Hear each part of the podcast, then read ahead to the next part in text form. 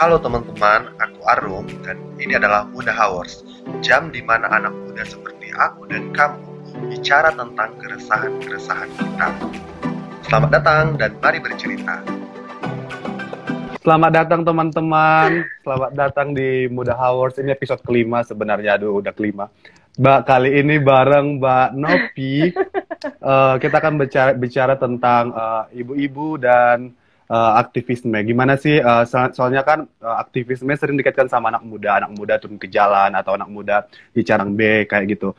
Tapi ada juga uh, ibu-ibu yang sebenarnya atau perempuan, perempuan usia 30-40 tahun ke atas yang ber yang bersuara tentang keresahan-keresahan dia gitu. Dan dan Mbak for your information ini Mbak pertama loh yang bukan anak muda gitu, yang bukan anak muda yang diajak ngomong. Um, Hey, hello.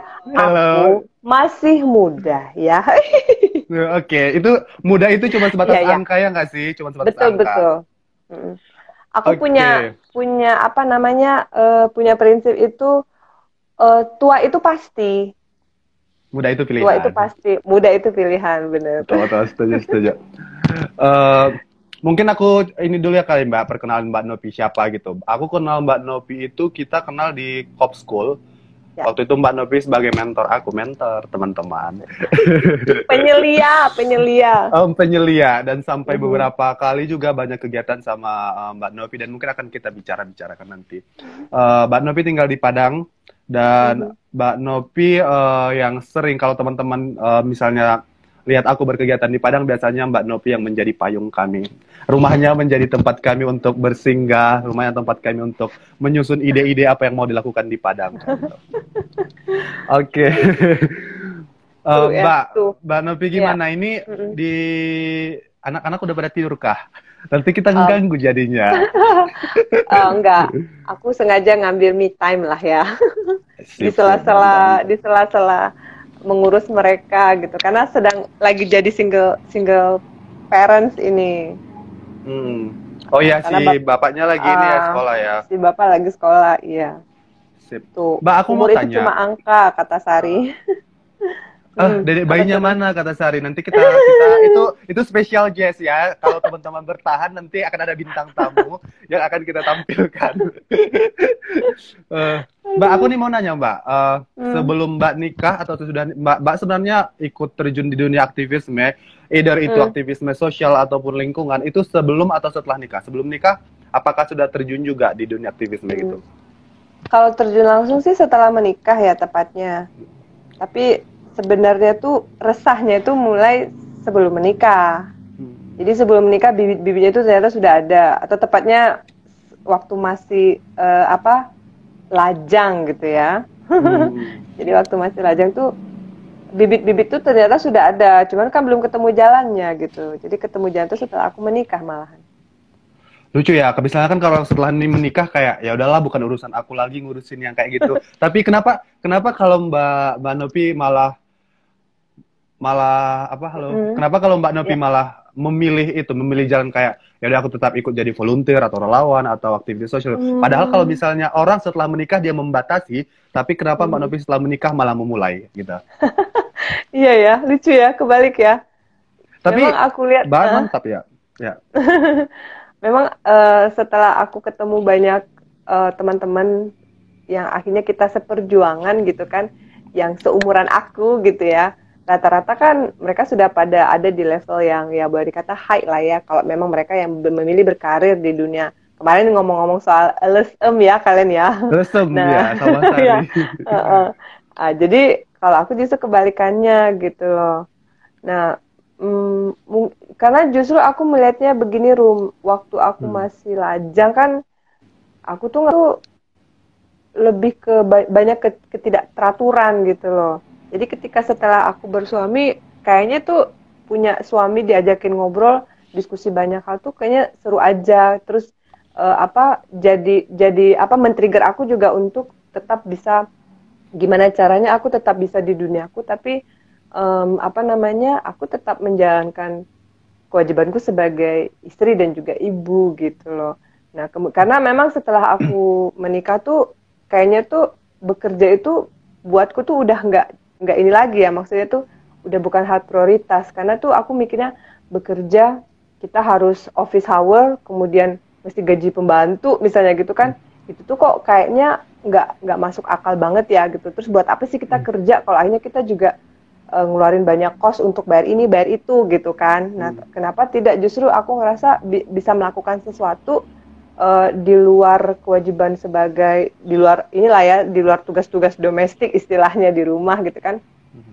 Tapi justru aku bisa menyuarakan atau melakukan apa yang aku suka gitu loh. Karena pada dasarnya aku tuh tipe orang yang ternyata tuh bukan nggak bisa diatur tapi kok kalau diatur atur khususnya dalam bekerja tuh gimana gitu ya gitu. Terus mesti mengejar target misalnya gitu tuh kok kayaknya nggak nggak bisa banget bukan nggak bisa tuh nggak bi bisa jadi budak korporat lah ya Nah, seperti itulah lebih kurang. Karena sebelumnya kan aku juga bekerja ya. Sebelumnya aku bekerja profesional gitu.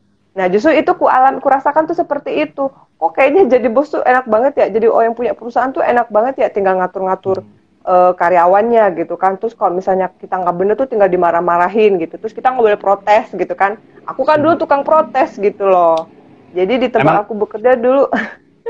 nah itu ya, ya bibit-bibitnya tuh udah udah kelihatan gitu. Jadi aku suka protes kemudian suka menyuarakan apa yang jadi keresahan teman-teman. Tapi ketika kita dikasih wadah untuk berbicara bersama, justru aku dikonfrontasi gitu. Dan situ aku suka ngerasa bukan dendam ya, tapi kok nih teman-teman pada berkhianat ya gitu kan. Udah hmm. dibantuin menyuarakan, kok malah aku yang disudutkan gitu. Jadi aku tuh di, dicap provokator lah, apalah gitu. Kayak tapi, gitu. Ta tapi emang kerja-kerja aktivis itu lebih sering dikaitkan sama provokator nggak sih? Setuju nggak sih Mbak? Kenapa kayak Iya, aku selalu ngerasa uh, kerja-kerja aktivitas aktivisme itu sering di di biang kerok atau provokator mm. gitu. Nah, kalau ya Mbak kita. tadi kan ya uh. Mbak tadi kan cerita gimana mm. uh, malah memilih jalan aktivisme setelah nikah. Kalau banyak mm. orang memilih uh, berhenti aktivisme karena dia menikah, tapi malah Mbak baru memulai di situ gitu. Nah, kalau untuk uh, meyakinkan hati Mbak sama kayak alasan pertama itu ada nggak sih Mbak kayak cerita misalnya ngelihat apa gitu atau uh, fakta di lapangan yang yang buat Mbak kayak aku harus tetap ngomong nih kayak gitu walaupun aku nikah kayak gitu. Ada nggak sih? Iya. Kalau uh, aku kan akhirnya akhirnya memilih dunia sosial dan juga lingkungan ya. Hmm. Kalau untuk dunia lingkungan sebenarnya dari aku kecil gitu, aku sudah banyak melihat semacam ketimpangan, ketimpangan sosial akibat pengelolaan sumber daya alam, uh, seperti itu ya. Hmm. Jadi uh, kemudian uh, ketika remaja tuh kok aku ngelihat banyak kalau dulu istilahnya kenakalan remaja ya aduh jadul banget sih aku kenakalan yeah. remaja jadi itu aku cukup resah lah meresahkan gitu meresahkan aku di sosial jadinya ya ya di sosial mm -hmm. jadinya ya hmm. jadi waktu aku masih uh, bergelut di dunia broadcast gitu kan hmm. aku tuh kok ngelihat memang apa sih yang dirasakan sama anak-anak muda gitu loh kenapa mereka kemudian memilih menjerumuskan diri lah gitu ya atau terjerumus ke hal-hal yang negatif gitu kan. Hmm. Tapi sebenarnya mereka juga nggak bisa disalahin gitu. Nah jadi akar-akar masalah seperti itulah yang aku coba ingin uh, tahu gitu loh. Walaupun uh, kalau aku dibilang pernah ngalamin bisa iya bisa enggak gitu ya. Tapi kemudian itu justru jadi jadi ini jadi buah pikiran buat aku gitu karena aku aku pengen anak-anakku tuh nanti jangan sampai pernah mengalami apa yang pernah aku alami gitu loh misalnya sewaktu aku masih gadis ya masih lajang kan buatku tuh kehidupanku tuh cukup berat lah gitu hmm. jadi aku tuh ingin sebenarnya tuh buat bekal untuk anak-anakku juga sih gimana supaya mereka tuh punya punya apa ya punya prinsip jadi hidup itu kita harus uh, punya prinsip gitu supaya kita tidak hmm. mudah uh, digoyahkan, tidak mudah semacam apa ya? Ya prinsip sih uh, pada dasarnya ya. gitu. Itu sih Rum. Ya, aku setuju sih Mbak dan aku ngerasa itu betul karena semua harus berasal dari berawal dari keresahan gak sih? Orang bersuara mm -hmm. karena dia resah dan betul. kayak yang Mbak bilang tadi bukan cuma resah apa yang terjadi sekarang tapi juga resah sama apa yang akan terjadi di masa depan dan hmm. aku pribadi juga mungkin yang sampai sekarang mikir kenapa juga maksudnya alasan lain yang menguatkan untuk tetap uh, belajar tentang lingkungan, belajar tentang climate change karena memang berawal dari keresahan untuk sekarang dan masa depan gitu. Hmm. Setuju setuju banget sama poin yang itu, Mbak. Teman-teman kalau misalnya yang mau nanya sama Mbak Novi dipersilahkan say hi juga boleh. Uh, Mbak, terus uh, Kalau Hmm. misalnya setelah setelah nikah ini gimana Mbak? Mbak kan Mbak tuh kan sering ke lapangan tuh. Eh di di lapangan gitu kan harus bermalam atau sampai Hmm. seminggu kayak ke Batang, ke Batang Toru kemarin sampai Hmm. seminggu seminggu gitu. Kalau Mbak sendiri gimana sih cara eh apa ngumpulin niat atau kenapa sampai bisa setekat bertekad seperti itu? Pasti mungkin eh, selain dari dari apa alasan-alasan tadi kenapa mau bersuara pasti ada alasan lain apa gitu, gitu Mbak. Eh, selain keresahan, eh, aku sih tidak tidak pengen cuma sekedar jadi penonton. Nah itu satu. Jadi setelah resah, kemudian aku mencoba untuk menjadi pribadi yang tak hanya sekedar menonton, tapi berpikir kemudian kira-kira apa sih yang bisa aku perbuat untuk membantu. Nah itu awalnya gitu. Jadi tentu tidak hanya sekedar membantu ya, berbekal pengetahuan yang cukup gitu ya, terus eh, apa namanya memperbaharui diri dengan pengetahuan-pengetahuan supaya bekal kita di lapangan itu memang manfaat gitu. Nah kemudian aku kan orangnya suka tantangan ya, suka challenge gitu. Jadi buatku tuh hidup nggak seru kalau nggak menantang gitu kan. Nah jadi melakukan pekerjaan-pekerjaan rumit eh, khususnya untuk mengat bukan mengatasi ya, maksudnya mengerjakan pekerjaan-pekerjaan eh, sosial gitu ya. Justru itu punya tantangan tersendiri bagaimana kemudian kita bisa berkomunikasi yang baik di rumah dengan seluruh anggota keluarga di rumah, berbagi peran seperti itu. Karena apa yang kukerjakan di lapangan itu sebenarnya untuk bekal aku juga supaya ketika aku berbicara untuk anak cucuku gitu, aku tuh ngomongnya fakta gitu loh itu benar-benar aku alami gitu dan aku udah dari sana gitu kayak Hmm. gitu nah itu sih eh, lebih kurang rum jadi Mantap, eh, mantap. Tapi bukan cuman bukan cuman untuk eh, terlibat, tapi belajar sambil sambil juga terlibat di dalam proses itu gitu ya Mbak. betul Dan itu sekali itu penting itu penting banget sih. Karena Mhm. kita nggak cuma belajar atau mendengar dari media atau dari Mhm. satu organisasi, tapi kita juga ngelihat langsung dari masyarakat itu gitu. Iya. Dan menurut aku untuk eh, praktisi sosial memang harus seperti itu ya Mbak. Mhm. Kalau ap- nah kalau sebenarnya kita cerita tentang ini kan cerita tentang uh, ibu uh, tentang ibu rumah tangga, aktivisme, pasti kita nggak bakal jauh-jauh dari perempuan gitu. Kalau menurut Mbak sendiri nih, gimana sih sekarang kayak uh, apa? S- Mbak kan kayak representasi dari perempuan yang bukan cuman kerja di lapangan, tapi juga sebagai seorang ibu, tapi juga di di di apa? Di lapangannya itu yang kayak konservasi gitu loh, yang betul-betul langsung terjun ke ke ke lapangan gitu gitu. Kalau Hmm. menurut Mbak sendiri untuk eh apa? Untuk perempuan-perempuan yang di di apa sih namanya kayak yang yang muda, kenapa Hmm. banyak malah nggak bisa? Mungkin bukan membandingkan ya, bukan membandingkan saya bisa kerja ke lapangan Hmm. walaupun saya berumah tangga, tapi eh, yang lainnya nggak bisa gitu. Tapi kalau menurut Mbak sendiri, eh, apa yang buat Mbak lebih mungkin bisa? Apakah ada apakah dorongan dari keluarga atau seperti apa? Kendala-kendala itu gimana cara Mbak mem- membatasinya gitu loh? Kayak misalnya Oh. anak kan harusnya kayak orang Mm-mm. aku nggak mau ah ini kendalanya anak aku atau kendalanya suami aku. Kalau Mbak sendiri membatasi kendala itu gimana? Iya. eh apa ya? Seperti yang aku bilang tadi kan, eh, kalau aku tuh orangnya suka challenge gitu. Nah, kemudian ini sih berangkat dari em, apa tadi ya? Aku jadi lupa nih. Apa apa apa? apa? Tiba-tiba agak agak agak blank gitu. Hmm. eh sebenarnya tuh aku juga termasuk orang yang ingin mencobakan teori-teori sebenarnya gitu loh. Kayak misalnya orang orang kan mengenal konsep gender, ya kan, Hmm. persamaan gender, ada lagi istilah emansipasi gitu. Dulu aku tidak paham Hmm. juga dengan istilah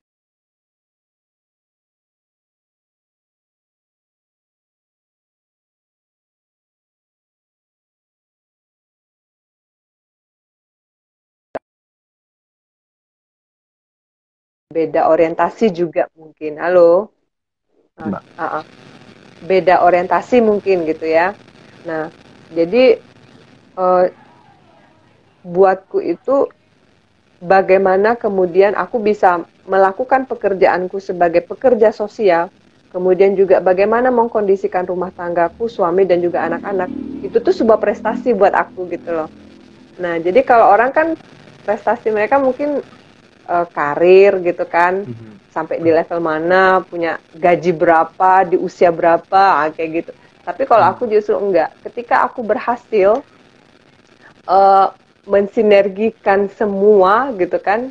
Sekarang kan istilah kolaborasi ya. Nah jadi bagaimana kita melakukan kolaborasi gitu. Di situ aku merasa di situlah aku sudah melakukan sebuah prestasi gitu. Nah jadi untuk bisa mengkondisikan rumah tangga tapi juga uh, bisa bermanfaat di masyarakat ketika aku terjun di lapangan itu sebuah prestasi buat aku gitu. Jadi itu bukan bukan mudah juga ya untuk mengkomunikasikan bagaimana menjelaskan ke anak-anak misalnya, bagaimana kemudian menjelaskan ke suami juga gitu kan apa yang aku kerjakan di lapangan dan tahu sendirilah ya di lapangan itu kan kadang kita lebih banyak cowoknya daripada ceweknya misalnya gitu Betul. gitu kan Nah itu kan kadang dapat stigma-stigma yang juga uh, tidak nggak nggak sedikit juga yang menstigma kita tuh gimana gitu kan. Mm-hmm. Nah seperti itu. Nah kemudian berangkat dari uh, apa namanya kadang-kadang kita perempuan ini kan banyak ininya ya banyak label-label apalah gitu kan. Nah itu aku juga suka nantangin diriku sendiri tuh jangan nggak semudah itu ngelabelin perempuan A, B, C, D dan segala macamnya gitu kan istilahnya itu perempuan itu bukan sekedar kulit luarnya aja gitu loh. Nah, lu harus buka kulitnya sampai lu tahu perempuan itu pantas untuk dilabelkan A, B, C, D dan segala macamnya gitu. Kayak gitu sih Rum menurut aku. Super sekali, keren-keren lah. Uh, aku banyak belajar sih jujur dari Mbak Novi selama kita berteman, selama kita uh, banyak proyek bareng, mulai dari dari apa? Dari kop dari Toru sampai kita Padang. Banyak banyak belajar lah. Dan aku banyak kalau ngomong sama Mbak Novi itu banyak terinspirasi. Dan ini salah satunya. Kalau untuk yang bisa diambil dari ini Mbak di lapangan hmm. sama diaplikasikan ke rumah adakah menurut Mbak yang kayak misalnya nemuin salah satu uh, permasalahan atau ilmu di lapangan selama kerjaan uh. itu diaktifin dan di, di, diaplikasikan ke rumah sama anak-anak atau mungkin sama keluarga? Kalau untuk diaplikasikan atau dibawa ke rumah sih mungkin lebih ke pengetahuannya ya.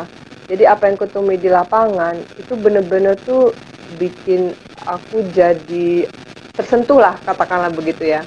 Tersentuh. Kemudian cerita-cerita itu yang aku bawa pulang untuk kemudian di rumah aku berusaha untuk membentuk karakter anak-anak gitu. Supaya misalnya mereka tidak merusak lah nanti di masa depan gitu kan. Janganlah melakukan pengusakan-perusakan gitu kan uh, untuk lingkungan termasuk hal yang sangat mendasar rum. Memberi mereka kebebasan kebebasan memilih gitu. Jadi istilahnya tuh uh, sekarang tuh aku sudah mulai untuk sebagai orang tua aku sudah mulai berpikir untuk tidak memaksakan mereka mau jadi apa kelak gitu. Yang penting berguna aja bagi uh, alam dan seisinya gitu kan. Uh, kemudian sekolah juga nggak harus sekolah di formal yang tinggi gitu. Nggak aku juga sudah mulai berpikir untuk uh, seperti orang-orang yang ketemu di lapangan juga gitu kan yang mereka tuh nggak sekolah tinggi nggak sekolah yang formal gitu. Tapi justru ilmu mereka tuh banyak gitu. Nah kemudian misalnya kalau di lapangan itu aku banyak ketemu yang negatif-negatif gitu itu jadi pembelajaran. Misalnya uh, hal kecil saja ya dalam memanfaatkan sumber daya air gitu kan. Di rumah tuh boleh tanya deh sama anak-anakku tuh aku tuh terkesan tuh kayaknya kok ya pelit gitu kan. Sebenarnya bukan pelit tapi kesian airnya kalau dibuang-buang tuh kok ya sayang gitu. Aku kan masih menggunakan uh, air dari sumur ya gitu. Jadi kalau misalnya nggak guna-guna banget tuh jangan dinyalain mesin airnya gitu. Terus kalau mau nguras bak jangan dibuang airnya. Hal-hal yang sepele kayak gitu gitu loh. Nah, jadi hal-hal seperti itu aku harus tanamkan dulu di diriku supaya nanti itu dilihat sama anak-anakku. Kadang kalau mereka tuh udah protes, kok aku tuh banyak ngelarang, ngelarang, ngelarang gitu tuh. Pada suatu kesempatan untuk bisa berbicara dan menjelaskan kepada mereka sedikit demi sedikit aku cerita ke mereka gitu. Jadi tuh memang uh, jadi aku jadi punya banyak cerita gitu loh. Dan itu ceritanya nggak ngarang-ngarang gitu kan. Ceritanya nggak ngarang-ngarang jadinya gitu. Tapi memang apa yang aku temui dari lapangan gitu loh dari berbagai daerah di Indonesia gitu kan keren keren keren kayak gitu tapi memang betul ya mbak kayak semua dimulai dari lingkungan kita kan apalagi lingkungan paling mm -mm. keluarga gitu senang sekali terus uh, kalau sekarang lagi sibuk apa kamu mbak? Aku dengar-dengar ada dan lihat juga sebenarnya. Alliance boleh jelaskan nggak itu apa dan dan itu kan uh, sebenarnya itu ibu-ibu juga banyak mungkin di sana kan ya. Iya. Gimana proses selama di sana perjalanan di sana dan kayaknya juga kayaknya iya. masih ada di sini nggak tahu masih ada tapi kayaknya juga itu kalau masalah di Alliance itu itu gimana mbak? Oh, aku penasaran. Suara Arum kok ini ya? Sinyal muka atau ah? Menjauh gitu. Dengar, Kak? Ah, Sekarang itu bisa dengar. Okay. Ah, iya, okay. Tadi kayaknya aja. Ah, iya. Oh iya, Alhamdulillah, uh, ini aku sih boleh bilang buah dari usahaku se sejauh inilah ya. Uh, meskipun mungkin tidak begitu besar gitu, tapi justru dari program ini aku jadi belajar ternyata kita melakukan sesuatu memang nggak perlu besar-besar, kecil saja yang penting dampaknya yang luas gitu kan. Uh, jadi alhamdulillah tahun ini aku terpilih sebagai peserta Women's Earth Alliance 2020 gitu kan. Hmm Nah, itu uh, semacam program apa namanya pendampingan untuk perempuan pemimpin di akar rumput gitu. Jadi kebetulan inisiatif yang pernah aku inisiatif yang sekarang aku uh, apa namanya aku bawa ke Women Earth Alliance ini kan sudah dari lebih dua tahun lalu sih aku rancang gitu, tapi ternyata baru sekarang dilirik gitu. Jadi aku membawa isu Eh, konservasi tentang perlindungan pengelolaan kawasan konservasi sebenarnya pengelolaan lingkungan dan kawasan konservasi di masyarakat tapi uh, lebih banyak melibatkan masyarakat adat. Jadi bagaimana mendokumentasikan pengetahuan mereka tentang apa namanya jadi nggak enak sih didengar sama Yani perempuan penjaga bumi. Cie eh, dari ibu untuk ibu bumi kan iya Nah, di sini tuh banyak sekali ilmu-ilmu yang bermanfaat yang aku dapatkan gitu ya. Karena kita semuanya terdiri dari perempuan-perempuan tangguh gitu kan. Mulai dari yang paling muda sampai yang mungkin mereka sudah bertahun-tahun gitu ya. Uh, apa menjadi aktivis di dunia sosial dan juga lingkungan. Aku belajar banyak dari mereka gitu. Yang muda juga hormat sama yang tua, yang tua juga ngayomi gitu kan dan banyak belajar dari yang muda-muda gitu. Buatku sih anak-anak muda sekarang tuh justru juga inspirasi buat aku kayak Arum ya kan. Arum tuh juga inspirasi buat aku gitu kan. Aku tuh pengen tuh anakku nanti juga ada yang bisa cerdas Arum gitu kan. kayak gitu gitu loh. Jadi sama-sama lah istilahnya kan kita hidup apa e, nyawang sawang di apa nyawang di sawang gitu kan. Jadi sama-sama ngeliat gitu. Kemudian jangan kemudian kita eh, melihat keberhasilan orang itu justru kegagalan buat kita. Enggak gitu. Tapi justru bagaimana kita juga bukan bisa harus bisa seperti mereka tapi setidaknya kita saling mengisi gitu. Kayak seperti yang kita lakukan selama ini di Padang kan. Kita berkolaborasi kemudian saling mengisi. Nah aku tuh memang senangnya kayak gitu. Karena banyak juga anak-anak muda yang mereka pengen bersuara tapi nggak punya wadah gitu kan.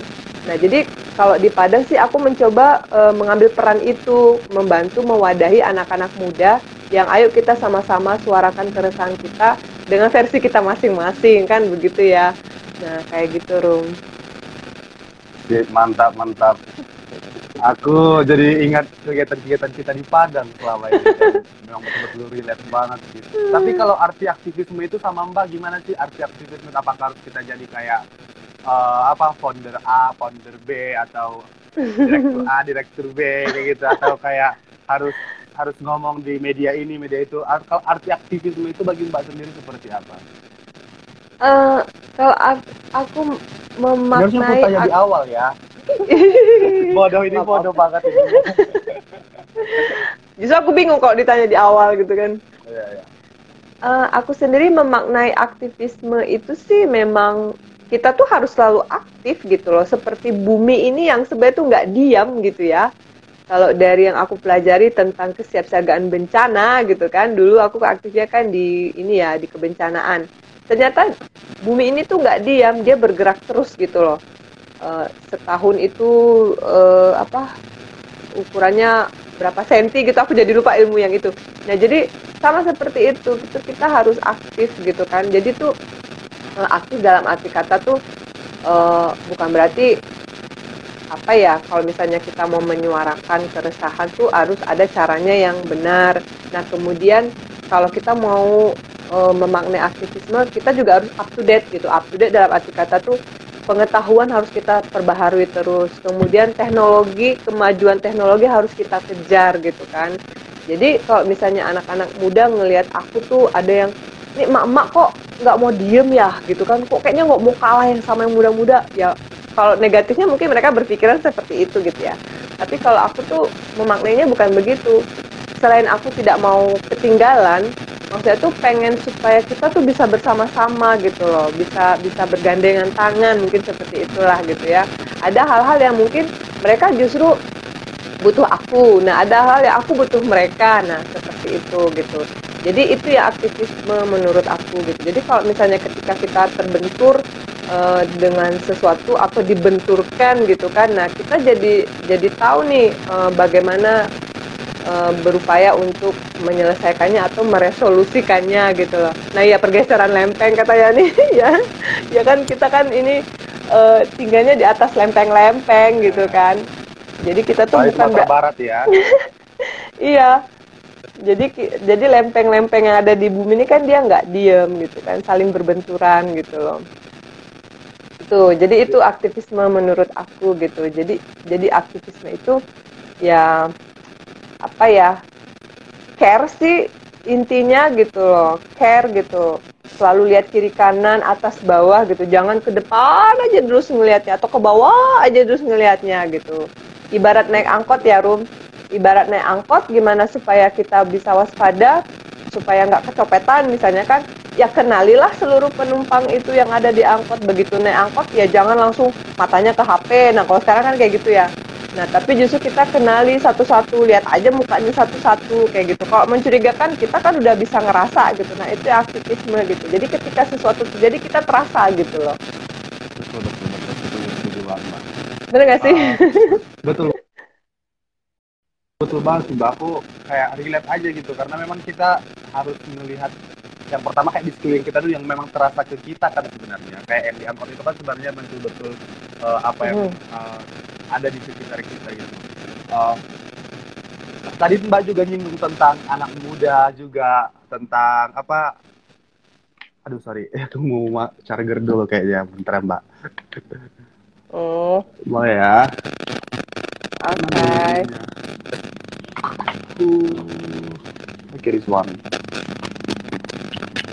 apa? Uh, tadi aku dengar Mbak juga uh, singgung tentang anak muda dan kalau menurut Mbak sendiri uh, ada nggak sih kayak kita mungkin kita lah di di tim gitu uh, hmm. gimana cara meng apa ya menyatukan dua pendapat atau dua dua sisi antara anak muda sama yang mungkin yang sudah berkeluarga kita kan dari latar belakang yang berbeda gitu kalau misalnya kerja sama hmm. tim gitu Mbak uh, mungkin mbak kayak uh. ngerasa pendapat seorang ibu harus kayak gini tapi yang anak muda ngerasa itu terlalu ini atau gitu. Pernah nggak ada pengalaman seperti itu? Dan, dan kalau ada gimana cara mbak untuk meresolusi konfliknya itu gitu? Um, ada nggak ya? Uh, mungkin kayaknya kalau kita uh, nggak ya kita terlalu... kayaknya mungkin mungkin karena iya, mbak terlalu makanya... muda juga kayaknya ya karena mbak terlalu muda gitu. Jadi sama aja. Gini uh, ngerasa nggak sih kalau aku tuh tipenya akomodir? Mm-hmm. Ngerasa nggak sih? Jadi Akom uh, eh, iya, betul, kayaknya betul.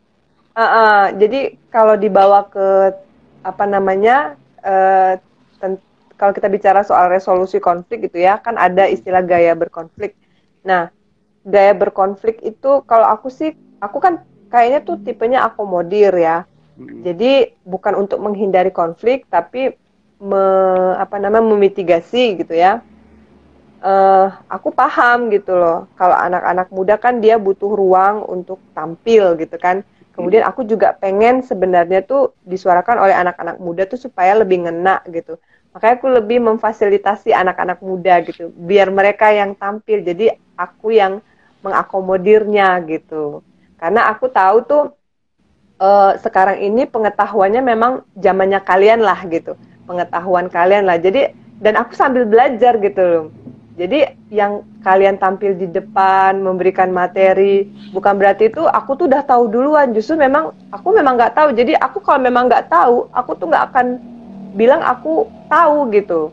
Jadi aku bener-bener yang aku belajar dulu dari dari Arum dari Nevi misalnya gitu kan. Kalau itu bukan bidangku aku nggak berani bicara juga gitu tapi ketika aku berani membicarakannya berarti aku udah dapat pengetahuan itu gitu. Nah seperti itu gitu. Jadi uh, sebenarnya uh, untuk menghindari konflik ya juga gitu kan. Mm-hmm. ibaratnya tuh uh, yang yang tua sebagai yang tua kita kita di belakang dulu lah gitu. Kayak Tut Wuri Handayani gitu ya. Aduh jadul banget istilahnya. Mm. gitu. Jadi biar yang muda-muda karena kan yang penontonnya juga muda-muda gitu kan mm. audiensnya juga muda-muda. Nah kalau emak-emak kayak aku mungkin nanti udah nggak enak dilihat gitu kan. Padahal sebenarnya juga masih fresh-fresh aja ya. Sama kayak kalian-kalian gitu gitu kan. Iya nggak kelihatan bedanya kok. Kata kayak kayak kita juga nggak pernah sebenarnya aku sendiri ya mbak nggak pernah memasalahkan kayak emak atau apa cuman ya, kenapa aku betul. akhirnya ngomong tentang ini karena aku juga pengen kayak mungkin teman-teman yang dengar di podcast nanti soalnya kan aku buat ke podcast kan jadi oh, ngerasa okay. bahwa emang aktivisme ini bukan cuma untuk uh, bukan cuma di bagian anak muda tapi yang kayak udah punya ya. rumah tangga yang punya anak mm -hmm. mereka juga bisa nge ngeluarin unek-unek atau yeah. kayak buat motor atau buat gerakan uh, mm-hmm. dari dari rumah dia sendiri kan betul kan kita dari rumah betul. mbak kita jalannya kayak gitu. Iya, nah, bener banget. Kayak kayak memang keresahan-keresahan gitu mbak sama Sari juga cerita LSM kemarin dan bukan bukan bukan berarti aku buat ini kayak untuk uh, oh berarti ibu-ibu itu nggak cocok ini ya nggak cocok bukan bukan kayak mm. gitu sih hmm. tapi kayak memang lebih mm -mm supaya anak-anak muda juga dengar oh anak muda juga harus lihat ibu-ibu aja bisa masa kita nggak bisa harus lebih kayak gitu iya kalau kita lihat inilah uh, nggak usah lihat aku lah ya misalnya hmm. kalau kita ajak anak-anak muda nonton nih misalnya kita lagi ngedukasi kan nonton kasih kasih putar tuh film-film edukasi hmm. misalnya film-film tentang konflik ya kayak kasus kendeng misalnya di, di filmnya yeah. dan di Dwi Laksono Nah itu kan anak-anak muda bisa lihat kan, justru yang tampil pasang badan itu siapa coba kalau bukan perempuan dan emak-emak gitu kan. Nah terus juga kalau ada aksi-aksi demo buruh gitu, itu siapa hmm. coba yang lebih yang lebih efektif turun ke jalanan justru kayaknya ketika emak-emak yang turun gitu ya. nah itu kenapa kenapa lebih mengena emak-emak maksudnya itu ibu-ibu uh, ya perempuan kan suka dilabelkan tuh uh, apa kasur, dapur dan juga sumur gitu kan. Nah, sehingga mereka memang lebih tahu untuk urusan domestik gitu loh. Jadi kalau misalnya mm-hmm. laki-laki bukannya aku menginikan laki-laki ya, merendahkan derajatnya mm-hmm. laki-laki enggak.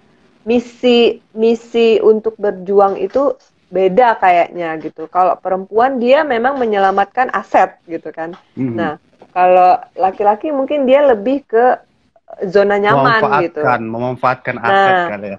Nah, iya memanfaatkan aset gitu. Kalau kalau perempuan kan dia lebih tahu misalnya tuh hari ini makan apa, di rumah ada apa, hmm. Punya duit berapa, cukupnya berapa. Ya. Itu kan biasanya perempuan gitu ya. Iya, nah, betul betul. Dan laki-laki gitu. menikmati kayak gitu ya. Nah, menikmati laki -laki asetnya kan, itu gitu. Memakan apa ya, yang dimakan ya kan si perempuan masak, laki-laki uh -uh. kayak makannya yang dimasak gitu. makan. gitu. Uh. Ya Makanya Betul, jadi kayak Dan, ada hmm. Jadi kayak kalau suka nonton TV ya ada tuh iklan kecap di TV tuh yang ngena banget gitu. Dan itu cocok itu menggambarkan konsep gender menurut aku kan hmm. ketika anaknya menggambarkan ibunya dengan uh, jadi superwoman, ayahnya nanya gitu, kok kamu menggambar mama tuh superwoman?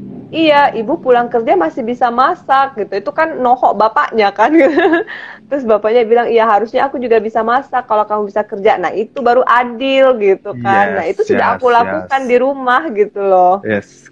nah di rumah betul, aku juga mengkomunikasikan itu dengan suami ketika aku di nggak di rumah kamu harus bisa masakin anak-anak gitu kan Nah, kemudian suami tuh nggak malu-malu tuh untuk nanya tuh, misalnya anak-anak suka sup. Nah, gimana sih cara bikin sup yang biasa kamu bikin? Nah, sekarang tuh suamiku tuh sama aku tuh udah nggak nggak ada bedanya kalau untuk urusan dapur gitu loh, udah sama aja. Ngurusin anak juga gitu, kita udah sama aja gitu loh.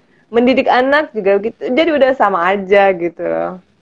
Keren-keren. Gitu. Aku sih sangat setuju sama konstruksi gender itu betul-betul dihancurkan aja udah jarang ada batasan kayak laki-laki yang harus ini perempuan yang harus ini ya kan sih mbak? Kayak Hmm. laki-laki nggak bisa masak nggak boleh masak laki-laki eh, misalnya malu kalau dia nyuci baju itu menurut aku udah kayak kuno banget ya sih kayak betul-betul kalau aku pribadi ya dan aku juga setuju akhirnya mbak juga berpikir yang sama gitu. Nah tadi mbak pas cerita tentang eh, masyarakat adat perempuan aku relate deh dan ingat sama ada namanya Mama Aleta kalau mbak pernah dengar Mama Aleta Mm-mm. ini dia di Nusa Tenggara Timur dan Mhm.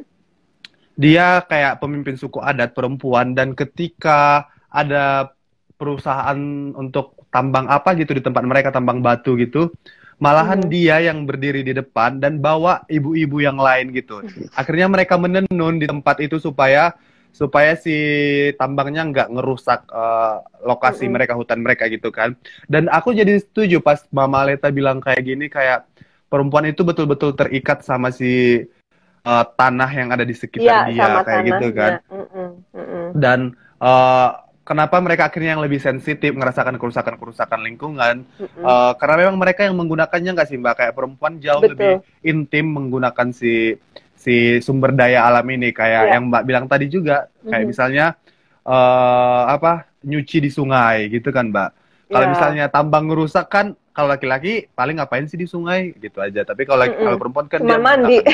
iya dan masalahnya sekarang udah banyak yang udah kayak buat eh, kamar mandi atau apa segala macam gitu juga kan tapi aku relate Ya. banget sih sama itu mbak Mm-mm.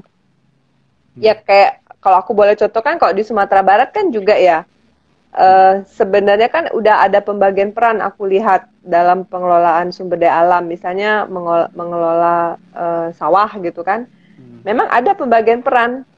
Eh, yang laki-laki itu urusan ngebajak tanah. Tapi giliran yang menanam itu kan perempuan gitu. Jadi kebanyakan tuh perempuan yang melakukan menanam padi gitu misalnya kan. Nah dia dia tahu bagaimana susahnya menanam gitu kan. Nah Hmm. kalau misalnya tanahnya yang sudah direnggut tentu dia akan merasa sangat-sangat kehilangan gitu jadi eh, tanah itu memang marwah gitu loh sebenarnya Harum sinyalnya ini ya. Oh, bisa kok Mbak, bisa kah?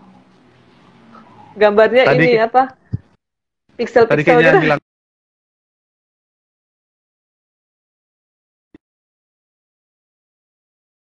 gitu ya. Halo? Sekarang masih kayak gitu Uh-uh. juga pixel. Sudah bagus kah? Mas, Sudah bagus bersih dah. kah? Loading-loading mas Mbak suaramu. bersih sih. Sinyalmu Mbak, Mbak berarti ya? bersih sih suaranya. Iya, maaf ya. Tapi tadi bagus kok. Ini udah udah lancar kah? Ah ya. Suara lancar. Gambarnya masih pixel-pixel. Oke, mudah-mudahan bisa. Tapi kalau di sini kelihatan ini kok kelihatan uh, lancar semua gitu. Oke. Sip. Terus uh, kita tadi sampai mana Mbak? Aku jadi lupa. Oh, hubung apa relasi tanah? Oh iya iya, yang yang Hmm. ini ya perempuan sama. Dan kalau bicara tentang tentang masa depan juga menurut aku kayak eh perempuan jauh lebih ini kan kalau misalnya kita genderkan lagi ya Mbak eh ke apa ke masa depan gitu misalnya setahun dua tahun Hmm. kemudian memikirkan nasibnya bumi gitu kalau menurut Mbak sendiri sebagai perempuan gimana? Kenapa kayak banyak orang yang bilang eh di, atau ada sih salah satu penelitian yang eh, di daerah apa gitu di Eropa atau di US dia ngeluarin penelitian bilang kalau perempuan itu jauh lebih aware dan jauh lebih bawel ribut sama kerusakan lingkungan gitu. Bukan cuma perempuan adat tadi yang kita bicarakan bahkan di kota sendiri Iya, gitu eh, atau misalnya kena polusi atau apa segala macam. Kalau mbak sendiri gimana ininya Eh, pendapat mbak sendiri tentang perempuan disebut lebih bawel atau lebih apa tentang terhadap eh, kerusakan lingkungan Ya, eh, karena ini ya, perempuan kan memang termasuk kelompok rentan ya. Hmm. Jadi eh, kalau kalau misalnya kita bawa ke anatomi itu memang eh, banyak kerentanan di perempuan gitu.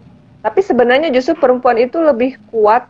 Kata penelitian juga kan ada penelitian yang mengatakan justru eh, perempuan itu lebih kuat sebenarnya secara medis gitu kan. Eh, kenapa perempuan lebih bawel? Karena memang yang kalau kita bawa kalau kita istilahkan ke usaha ya, yang ngerti hulu hilir itu di perempuan biasa atau mayoritas perempuan perempuan, walaupun kita hmm. tidak mengeneralisir di sini ya. Ya, betul betul. Nah, tapi untuk hal yang seperti itu, hulu ke hilir tadi, detailnya tuh biasanya ada di perempuan gitu loh. Misalnya uh, untuk urusan dapur aja, ya kan, yang tahu biasa kita masak nakar beras sehari berapa, kemudian dirupiahkan berapa, itu kan jelimetnya tuh ada di perempuan kan. Nah, kemudian juga uh, apa? Uh, pendapatan rumah tangga misalnya gitu kan penghasilan suami istri kalau digabung berapa kemudian kalau dibagi-bagi itu biasanya hitung-hitungannya itu kan ada di perempuan nah betul, yang lebih betul. paham itu kan biasanya perempuan nah kemudian uh, perempuan identik juga biasanya anak-anak yang ngurusin juga perempuan gitu kan uh, masih pembagian perannya masih seperti itu gitu hmm. nah jadi uh, itu sih kenapa akhirnya dan aku coba aku co aku uji cobakan ya Rum jadi hmm, ketika aku bagi peran itu dengan suami, ternyata suamiku juga bawel akhirnya gitu loh.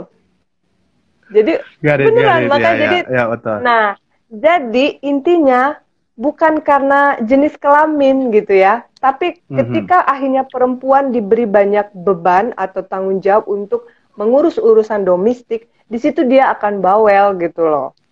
Betul betul. Ketika Karena... ketika mis, uh-uh, karena dia terekspos sama apa yang dia lihat secara langsung gitu. Balik ke situ lagi ya Mbak ya permasalahannya. Iya, uh, uh, jadi makanya ketika terjadi uh, apa uh, kerusakan misalnya kan, yang akan merasa terganggu itu kan perempuan gitu. Kita ambil contoh rusak setrika alat gosok misalnya. Nah hmm. itu kan akan mengganggu stabilitas dia dalam melakukan rutinitas di rumah kan. Nah kemudian akan mengganggu schedule-schedule dia yang lain gitu. Kalau misalnya bagi yang uh, biasa membuat skala prioritas gitu di rumah gitu. Hmm. Nah, itu kurasa. Jadi ketika kita coba berbagi dan aku uji cobakan seperti itu misalnya untuk urusan uh, belanja gitu. Nah, itu aku bebankan juga ke suami gitu kan. Nah, itu akhirnya kan suami jadi tahu kebutuhan kita berapa. Terus kemudian ketika ada gangguan ikutan jadi bawel juga gitu kan. Setuju, nah, keren, ada, keren, keren. ada alat-alat di rumah tangga yang rusak misalnya kemudian mengganggu stabilitas dia juga nah akhirnya dia jadi bawel gitu gitu. Jadi kalau misalnya ada ada yang protes taruhlah misalnya yang protes itu laki-laki ini kenapa sih perempuan pada bawel-bawel ya suruh dia ngurus rumah tangga gitu loh. Akan bawelan siapa? Dia apa istrinya? Setuju setuju setuju mbak. Gitu. keren keren. Tapi kan mbak kalau di rumah tangga mungkin masih skopnya kecil ya. Maksudnya kan masih kayak ya. keluarga. Tapi kalau untuk uh, uh, apa struktur sosial sendiri mungkin di Minangkabau atau di Sumatera Barat aku nggak tahu uh, mm-hmm. posisi perempuan kan banyak tuh yang nggak bisa dikasih tempat nggak bisa dikasih panggung nggak bisa dikasih mic kalau ngomong mm-hmm. misalnya di temu adat atau apa segala macam gimana mm-hmm. menurut Mbak tentang ini dan ke depannya harapan Mbak seperti apa karena misalnya kalau misalnya ada datang perusahaan yang merusak lingkungan sedangkan perempuan tidak mm. dikasih panggung untuk ngomong mm. gitu gimana uh, pendapat Mbak tentang ini opini tentang ini gitu Oke, okay. meskipun aku uh, ber, berdomisili di Padang di Sumatera Barat, tapi dalam hal ini aku tidak mengatasnamakan perempuan Minang ya, mm-hmm. uh, karena takutnya nanti ada yang sensitif gitu ya. Tapi di sini aku justru melihat uh, ketika aku melakukan pendampingan-pendampingan di masyarakat, di mana yang jadi yang masyarakat yang kudampingi itu adalah perempuan, aku justru melihat tidak seperti itu gitu. Justru perempuan-perempuan Minang aku rasa cukup merdeka untuk menyuarakan apa yang menjadi keresahan mereka gitu. Hanya hmm. saja, nah ini yang kusayangkan, apa yang jadi kadang apa yang mereka suarakan itu masih belum dianggap gitu loh sama katakanlah pemangku kebijakan gitu ya. Hmm. Misalnya kalau kita lagi lagi ada rapat nih e, membahas program atau apa gitu ya bersama uh, nenek mamanya gitu kan adalah di situ tuh uh, seluruh uh, hmm. apa namanya struktur sosial yang ada di yang ada di desa atau di nagari itu gitu. Pemangku adatnya itu lah ya. ya uh, yang ya pokoknya yang lengkap lah ya mulai dari uh, apa pimpinannya kemudian masyarakat biasa gitu kan. Aku justru melihat uh, di Sumatera Barat kebebasan perempuan untuk menyuarakan apa yang mereka rasakan itu sudah terbangun gitu loh. Mayoritas tuh sudah berani untuk berbicara di depan umum, kemudian mengemukakan apa yang menjadi keresahan mereka gitu ya. Jadi tidak seperti uh, ya, anggapan orang-orang gitu yang masih menganggap kalau di Minangkabau itu atau di di Sumatera Barat perempuannya masih uh, apa di ada ini ada batasan untuk berbicara di depan laki-laki atau di depan umum. Tidak juga gitu loh. Kalau aku temui sih seperti itu. Tapi aku tidak tahu kalau misalnya ketika ada diskusi atau uh, rapat atau uh, rembuk gitu ya yang mhm. membahas tentang adat. Nah, itu aku juga aku tidak tahu kalau itu atau apakah tapi aku pernah mengikuti pertemuan di balai adat gitu, di balai adat di Minangkabau. Aku juga lihat seperti itu gitu loh. Jadi mhm. perempuan-perempuan Minang tuh cukup cerdas menurut aku cukup inilah uh, tahu aja sayangnya sih itu rum uh, mm-hmm. apa? Apa yang mereka sudah sampaikan itu masih belum dianggap dan didengar. Itu yang jadi kendala gitu. Jadi kayak misalnya di situ saat dia ngomong ada nenek mamanya gitu ya mama sukunya gitu. Nah itu nanti justru mereka mereka itu yang melakukan ah ini apa sih kemenakanku nih? Udahlah nggak usah ngomong terlalu ini. Nah gitu. Mm-hmm. jadi tuh uh, apa ya nah hal-hal seperti itu tuh justru datang dari dalam sendiri gitu loh di dari internalnya mereka bukan dari luar gitu kayak gitu jadi mungkin uh, lihat apa proses yang dikasih si perempuan ini untuk dibawa ke ke pembuat keputusan jadi banyak yang diabaikan gitu ya Pak. Padahal mereka udah bersuara, hmm. udah apa gitu. Tapi Betul. untuk pem, Betul untuk banget. pembuatan keputusan mereka kayak nggak dikasih role gitu nggak sih? Dapat masih dapat role atau nggak masih dapat? Nah, kalau untuk Itu membuat uh, keputusan kalau untuk membuat keputusan aku juga ini ya uh, pertemuan-pertemuan yang pernah aku ikuti kan kita tidak berbicara soal menetapkan sebuah keputusan gitu ya. Ah, uh, okay, tapi okay. sifatnya lebih seperti menggali sesuatu gitu kan. Nah, tapi ketika misalnya keputusan untuk melakukan atau tidak itu di, di, di, diserahkan lagi kepada uh, apa namanya kepada masyarakatnya gitu. Kalau memang uh, ingin melakukan silahkan gitu. Memang ada mungkin. ada sih pemi mm -hmm. Mungkin satu untungnya juga karena di di Minangkabau masih matriarkat ya Mbak. Jadi kayak posisi perempuan lebih apa mungkin lebih mendekati setara atau mungkin bisa dibilang uh, punya posisi tersendiri di struktur sosial gitu. Tapi ya aku bisa relate sih sama pengalaman bagaimana perempuan bisa dikasih ruang di di acara-acara adat atau bersuara terhadap terhadap apa permasalahan yang mereka alami dan which is menurut aku itu bagus di untuk di untuk di Minangkabau gitu. Tapi kalau Mbak sendiri ngelihat ke depannya gitu apakah semakin semakin besar power perempuan dalam sosial atau semakin uh, menurun gimana Mbak? Kalau pandangan secara awam gitu. Hmm, semakin kuat sih kuriat. Semakin kuat karena semakin kuat ya. belakangan ya? kan uh, belakangan uh, aku juga banyak uh, bergaul dengan anak-anak atau teman-teman dari komunitas literasi gitu ya di mana penggiatnya tuh hampir kalau aku presentasikan 70% tuh perempuan gitu loh dan justru mereka tuh yang jadi foundernya gitu kan founder dari dari sebuah komunitas literasi apa gitu kan. Nah kemudian kalau misalnya aku bikin kegiatan-kegiatan edukasi school visit atau apalah gitu ya itu memang lebih banyak audiensnya perempuan gitu. Kayak gitu. Jadi Wah. Uh, seperti itu. Jadi aku lihat tuh kalau di Sumatera Barat memang uh, keterlibatan perempuan itu tinggi tapi memang mereka harus terus mendapat apa ya semacam uh, impulsif gitu ya impulsif apa sih istilah impulsif gitu kan untuk mereka masih butuh banyak mungkin dorongan gitu ya. Uh, dorongan pendampingan seperti itu. Kemudian supaya uh, kalau misalnya mereka sedang melakukan gerakan atau perjuangan arah perjuangannya itu lebih terarah jelas gitu terus fokus. Nah kayak gitu. Kayak gitu rum. Wah, itu yang aku keren. lihat aku, ya hmm, aku juga lumayan uh, berharap sih karena menurut aku permasalahan di dunia ini jujur banyak dilakukan sama laki-laki. Perang dunia laki-laki yang berperan di situ. Segalanya. Kayak terorisme banyak. Itu didominasi oleh laki-laki. Penculikan pembunuhan. Itu mungkin ada juga perempuan tapi kalau dikategorikan tingkat kriminal rate-nya itu laki-laki lebih banyak daripada perempuan itu dan tapi kalau untuk masalah healer penyembuh kalau kita uh, klasifik apa kita kayak kotak-kotakan lagi malam banyak di perempuan ya kan mbak kayak bidan kayak perawat yang kayak gitu gitu dan Mm. aku Iya. aku lumayan berharap ke depannya posisi laki-laki sama perempuan itu kayak dihilangkan deh batas-batas konstruksi sosial jadi kayak dan Iya. aku mendukung banget sama kesetaraan gender itu Iya, betul sekali. Seperti di organisasi kita ya, di organisasi tempat di mana kita bernaung jadi volunteernya gitu. Itu Hmm. eh, di situ aku benar-benar merasakan tidak ada, bukan tidak ada batasan, tapi benar-benar tidak melihat jenis kelamin, bukan karena kamu perempuan atau bukan karena kamu laki-laki gitu loh. Karena stigma itu tuh sebenarnya tuh aku dapatkan tuh dari kecil room gitu loh. Jadi dari kecil tuh Hmm. aku tuh di di stereotip tuh digituin gitu kan eh, ah ini bukan urusan lu, kamu perempuan. Ah ini anak perempuan nggak boleh. Terus aku tuh suka berpikir begini, memang kenapa kalau aku perempuan gitu loh. Itu sih awalnya gitu. Sehingga aku berusaha untuk mencoba eh, melintas batas gitu kan. seperti itu.